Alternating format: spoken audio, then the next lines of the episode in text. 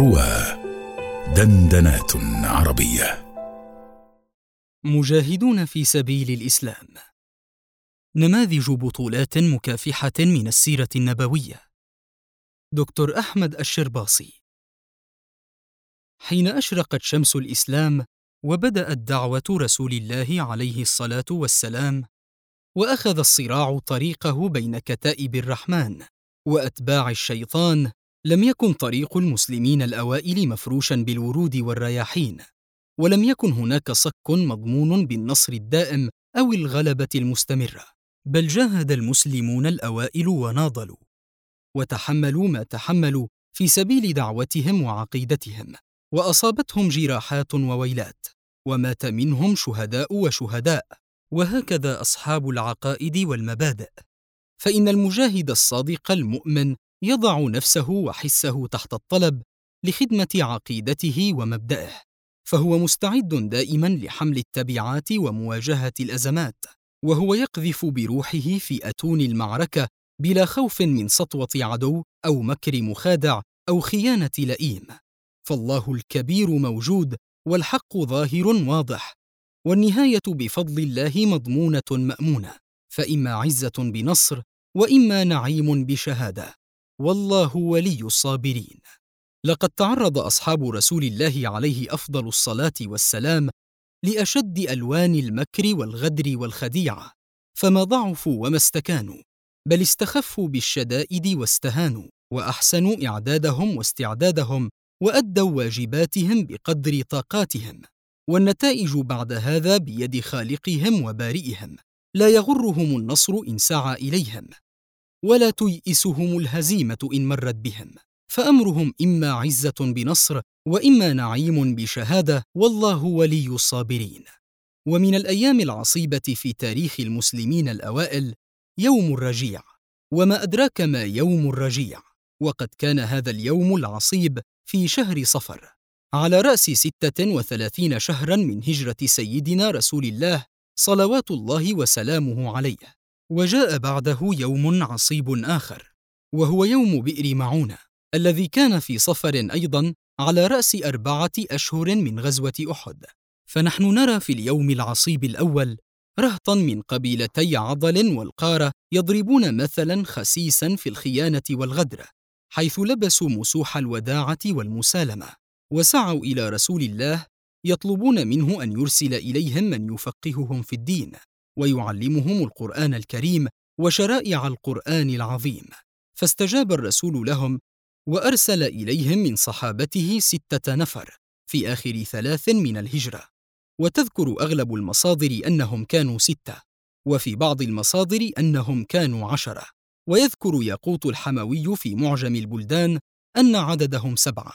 أورد أسماء ثلاثة منهم ثم أورد خمسة أبيات لحسان في رثائهم.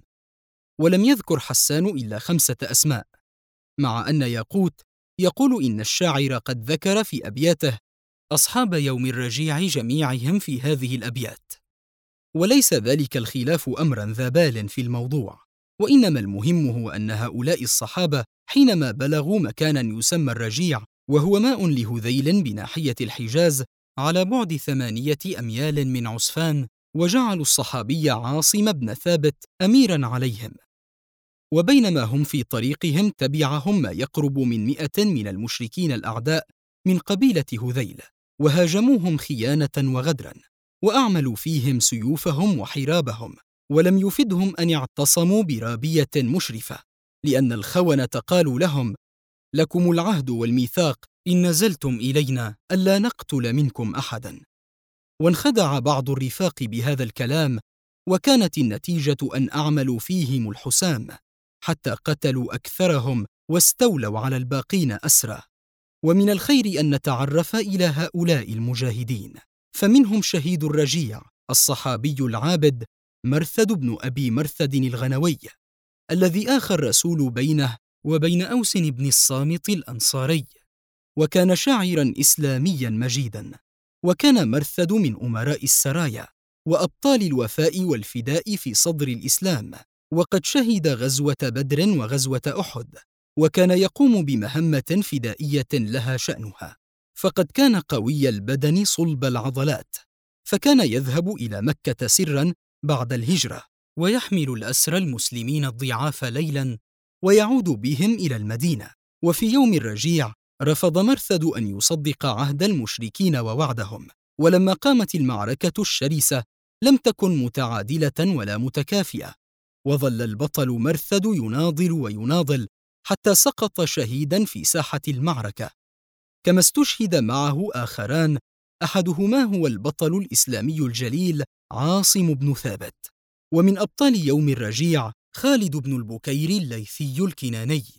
وقد شهد غزوة بدر. وسبق أن بعثه النبي مع عبد الله بن جحش إلى عير قريش قبل غزوة بدر في رهط من المهاجرين فقتلوا عمرو بن الحضرمي وفيهم أنزل الله تعالى قوله في سورة البقرة يسألونك عن الشهر الحرام قتال فيه قل قتال فيه كبير وصد عن سبيل الله وكفر به والمسجد الحرام. وإخراج أهله منه أكبر عند الله والفتنة أكبر من القتل. وقد نال خالد نعمة الشهادة في معركة يوم الرجيع وكان عمره اربعا وثلاثين سنة ومن أبطال يوم الرجيع خبيب بن عدي الشهيد المصلوب وكان رجلا كثير العبادة والصيام والقيام. وقد اخى الرسول بينه وبين عمير بن أبي وقاص الصحابي البدري الشهيد وقد حضر خبيب غزوة بدر وقتل فيها الحارث بن عامر فحرص أبناء الحارث على أن يشتروا خبيبا ممن أسروه يوم الرجيع ليقتلوه ثارا لأبيهم وحبسوه في مكة مدة من الزمن. وأحس خبيب أن القوم سيقتلونه لا محالة فطلب من ابنة الحارث التي كان يوجد في بيتها اسيرا طلب منها شفرة ليتطهر بها استعدادا للموت. فأرسلت إليه المرأة ما أراد بطريق ابن لها فأجلس خبيب الطفل على فخذه وأخذ يداعبه في رفق ورأت أم الولد هذا المنظر ففزعت حيث ظنت أن خبيبا قد يقتل الطفل انتقاما لنفسه. فأدرك خبيب ما دار بذهن المرأة فقال لها أتخشين أن أقتله؟ ما كنت لأفعل هذا؟ ولذلك كانت هذه المرأة تقول فيما بعد ما رأيت اسيرا خيرا من خبيب. ويروى أن هذه المرأة قد أسلمت وقالت كان خبيب قد حبس في بيتي.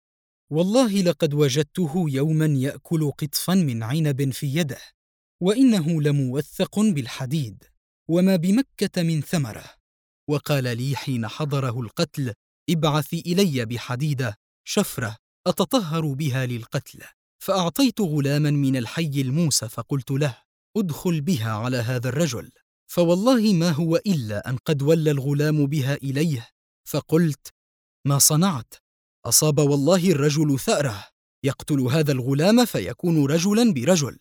فلما ناوله الحديدة أخذها من يده ثم قال لعمرك ما خافت أمك غدرتي حتى بعثتك بهذه الحديدة ثم أخلى سبيله ومضى المجرمون في تنفيذ جريمتهم. خرجوا بخبيب إلى ظاهر مكة في مكان يسمى التنعيم ونصبوا صليبا ضخما عاليا ليقتلوا خبيبا عليه. وهنا قال لهم المجاهد الصابر المؤمن خبيب دعوني أركع ركعتين فأذنوا له بذلك فصلاهما ثم قال والله لولا أن تحسبوا أن ما بي جزع لزدت ومن يومها صارت مثل هذه الصلاة سنة لأنها فعلت في عهد النبي صلى الله عليه وسلم ولم يعترض عليها. ثم دعا زيد عليهم في جرأة وشجاعة فقال اللهم أحصهم عددا واقتلهم بددا ولا تغادر منهم أحدا.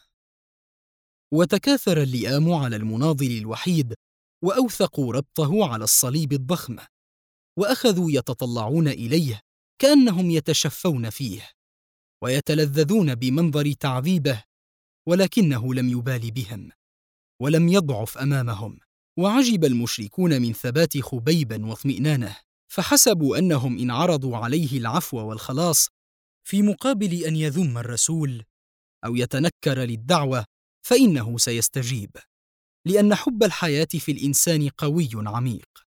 ولقد يبلغ الإنسان أرذل العمر حتى لا يستطيع أن ينهض لضعفه. ومع ذلك يتشبث بالحياة.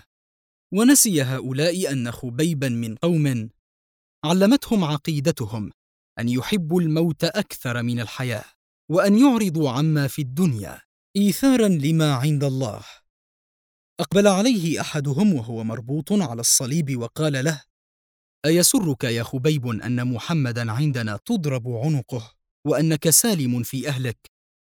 فقال في عزم وتصميم والله ما يسرني أني سالم في أهلي وأن يصيب محمدا شوكة تؤذيه. ثم رفع خبيب رأسه إلى السماء وناجى ربه اللهم إنا قد بلغنا رسالة رسولك. اللهم إني لا أجد إلى رسولك رسولا غيرك فأبلغه مني السلام. وبلغه الغداة ما يصنع بنا. ونفد صبر هؤلاء المجرمين أمام ثبات خبيب وسكينة قلبه بفضل إيمانه. فأرادوا أن يسرفوا إسراف اللئام السفهاء في الانتقام. فأحاطوا خبيبا بعشرات منهم وفي أيديهم السهام والرماح والسيوف ثم اندفعوا بجملتهم يرمونه ويطعنونه ويضربونه من كل جانب حتى أسلم آخر أنفاسه. وكأن هذه الأنفاس لفح من فيح جهنم يعصف بهؤلاء المجرمين يوم لقاء الله عز وجل. ومن أبطال يوم الرجيع الصحابي المجاهد أبو سليمان عاصم بن ثابت الأنصاري المسارع بالاستجابة إلى الله عز وجل. وقد آخى النبي صلى الله عليه وسلم بينه وبين البطل الشهيد عبد الله بن جحش الأسدي الذي تمنى الشهادة في سبيل الله وتمنى أن يمزق الأعداء جسمه ليكون ذلك شهادة له عند ربه وتحقق له ما أراد. وشبيه الشيء منجذب إليه والأبطال أنداد الأبطال. وقد شهد عاصم غزوة بدر الكبرى ثم شارك في غزوة أحد وصرع فيها من صرع من طواغيت الكفر وزبانية الشرك وكان منهم أخوان لامرأة تسمى سلافة بنت سعد فحلفت انها ان قدرت على رأس عاصم بعد قتله لتشربن في جمجمته خمرا. وتألق عاصم في صراع يوم الرجيع فأخذ يرمي أعداءه بنباله حتى انتهت فأخذ يطاعنهم برمحه حتى تكسر. فاستل سيفه وهو آخر سلاح معه وأخذ يضرب به فيهم وكأنما أحس بنور الله في صدره أن شهادته قد اقتربت. وقد بذل كل جهده وكان قد عاهد ربه الا يمس مشركا ولا يمسه مشرك ابدا في حياته. فقال يدعو ربه اللهم إني حميت دينك صدر النهار فاحم لحمي آخره. واستمر يناضل حتى نال الشهادة. وأراد الأعداء الأخساء أن يمثلوا بجثته وأن يحملوا رأسه إلى سلافة لتشتريه منهم. ولكنهم حينما أرادوا فعل ذلك وجدوا اسرابا من النحل والزنابير قد غطت جثته فقالوا ننتظر حتى يأتي الليل ويتركه النحل فنأتي لنفعل ما نريد. ولكن الله جل جلاله أرسل سيلا جارفا فحمل البطل الشهيد إلى حيث شاء علام الغيوب. وقد أراد رسول الله صلى الله عليه وسلم أن يكرم ذكر عاصم وإخوانه فخرج مع مجموعة من صحابته وذهب إلى مكان استشهاد هؤلاء وترحم عليهم ودعا لهم بالمغفرة والرضوان. ثم يأتي اليوم العصيب الآخر وهو يوم بئر معونة. لينهض شاهد آخر على أن طريق المسلمين الأوائل في الكفاح والنضال لم يكن طريقا مفروشا بالورود والرياحين بل كان طريقا محفوفا بالأهوال والمصاعب. ولم يتلقوا من ربهم تبارك وتعالى قرارا أبديا بأنهم منصورون دائما أو انه قد ضمن لهم الغلبة على أعدائهم دون عمل أو مجهود. بل قال لهم وأعدوا لهم ما استطعتم من قوة. وقال لهم إن يمسسكم قرح فقد مس القوم قرح مثله وتلك الأيام نداولها بين الناس. وبئر معونة هي بئر بين أرض بني عامر وحرة بني سليم. كلا البلدين منها قريب إلا أنها إلى حرة بني سليم أقرب وهي ماء لبني عامر بن صعصع وعندها كانت أيضا معركة الرجيع. ومعركة بئر معونة كانت في صفر من السنة الرابعة وهي أيضا تدل على غدر المشركين واحتمال المسلمين.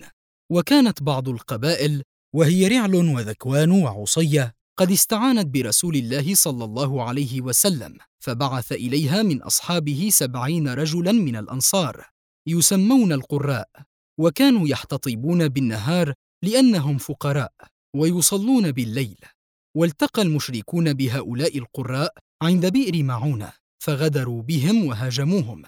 ومن أبرز هؤلاء الصحابي الجليل المجاهد المنذر بن عمرو الساعدي.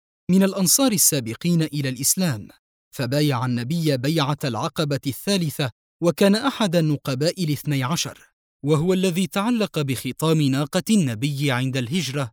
يرجو منه أن ينزل في ضيافته فكان النبي يقول دعوا الناقة فإنها مأمورة. واشترك المنذر في غزوة بدر حيث ظهر فيها إخلاصه لله تعالى وكان المنذر يقال له المعنق ليموت. أي المسرع إلى طلب الشهادة والموت في سبيل الله.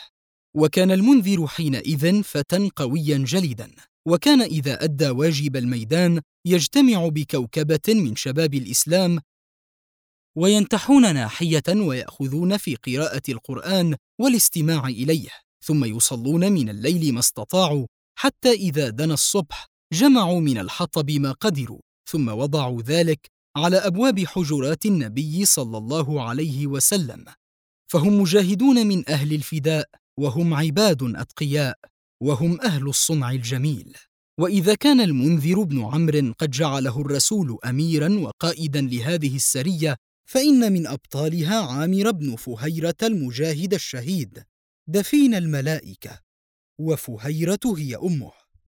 وكان عبدا مملوكا في أول أمره. واشتراه أبو بكر وأعتقه. وقد شهد عامر غزوة بدر وأبلى فيها بلاء حسنا. وشهد غزوة أحد واحتمل فيها احتمالا مشكورا. وقد ذاق نعمة الشهادة يوم بئر معونة. ولما أصابه قاتله قال عامر الله أكبر فزت ورب الكعبة. وسأل قاتله واسمه جبار الكلابي لماذا قال الله أكبر؟ وأين الفوز الذي فاز به؟ ألم يذق الموت ويذهب إلى التراب؟ وقيل للقاتل السائل إن عامر يقصد أن الله قد أكرمه بالشهادة وأنه سيفوز بنعيم الجنة في الآخرة. وأدى هذا الموقف الجليل النوراني إلى أن شرح الله صدر جبار للإسلام فاهتدى وأعلن إسلامه. وقد جاء الإمام الزهري فقال بلغني انهم التمسوا جسد عامر بن فهيرة فلم يقدروا عليه أي لم يعثروا عليه فيرون أن جسده طار في السماء ودفنته الملائكة. هذا ولقد ظل رسول الله صلى الله عليه وسلم يقنت شهرا ويدعو على أعداء الله الذين قتلوا شهداء بئر معونة. ويروى عن أنس بن مالك رضي الله عنه أنه قال ما رأيت رسول الله صلى الله عليه وسلم وجد غضب وحزن على أحد ما وجد على أصحاب بئر معونة.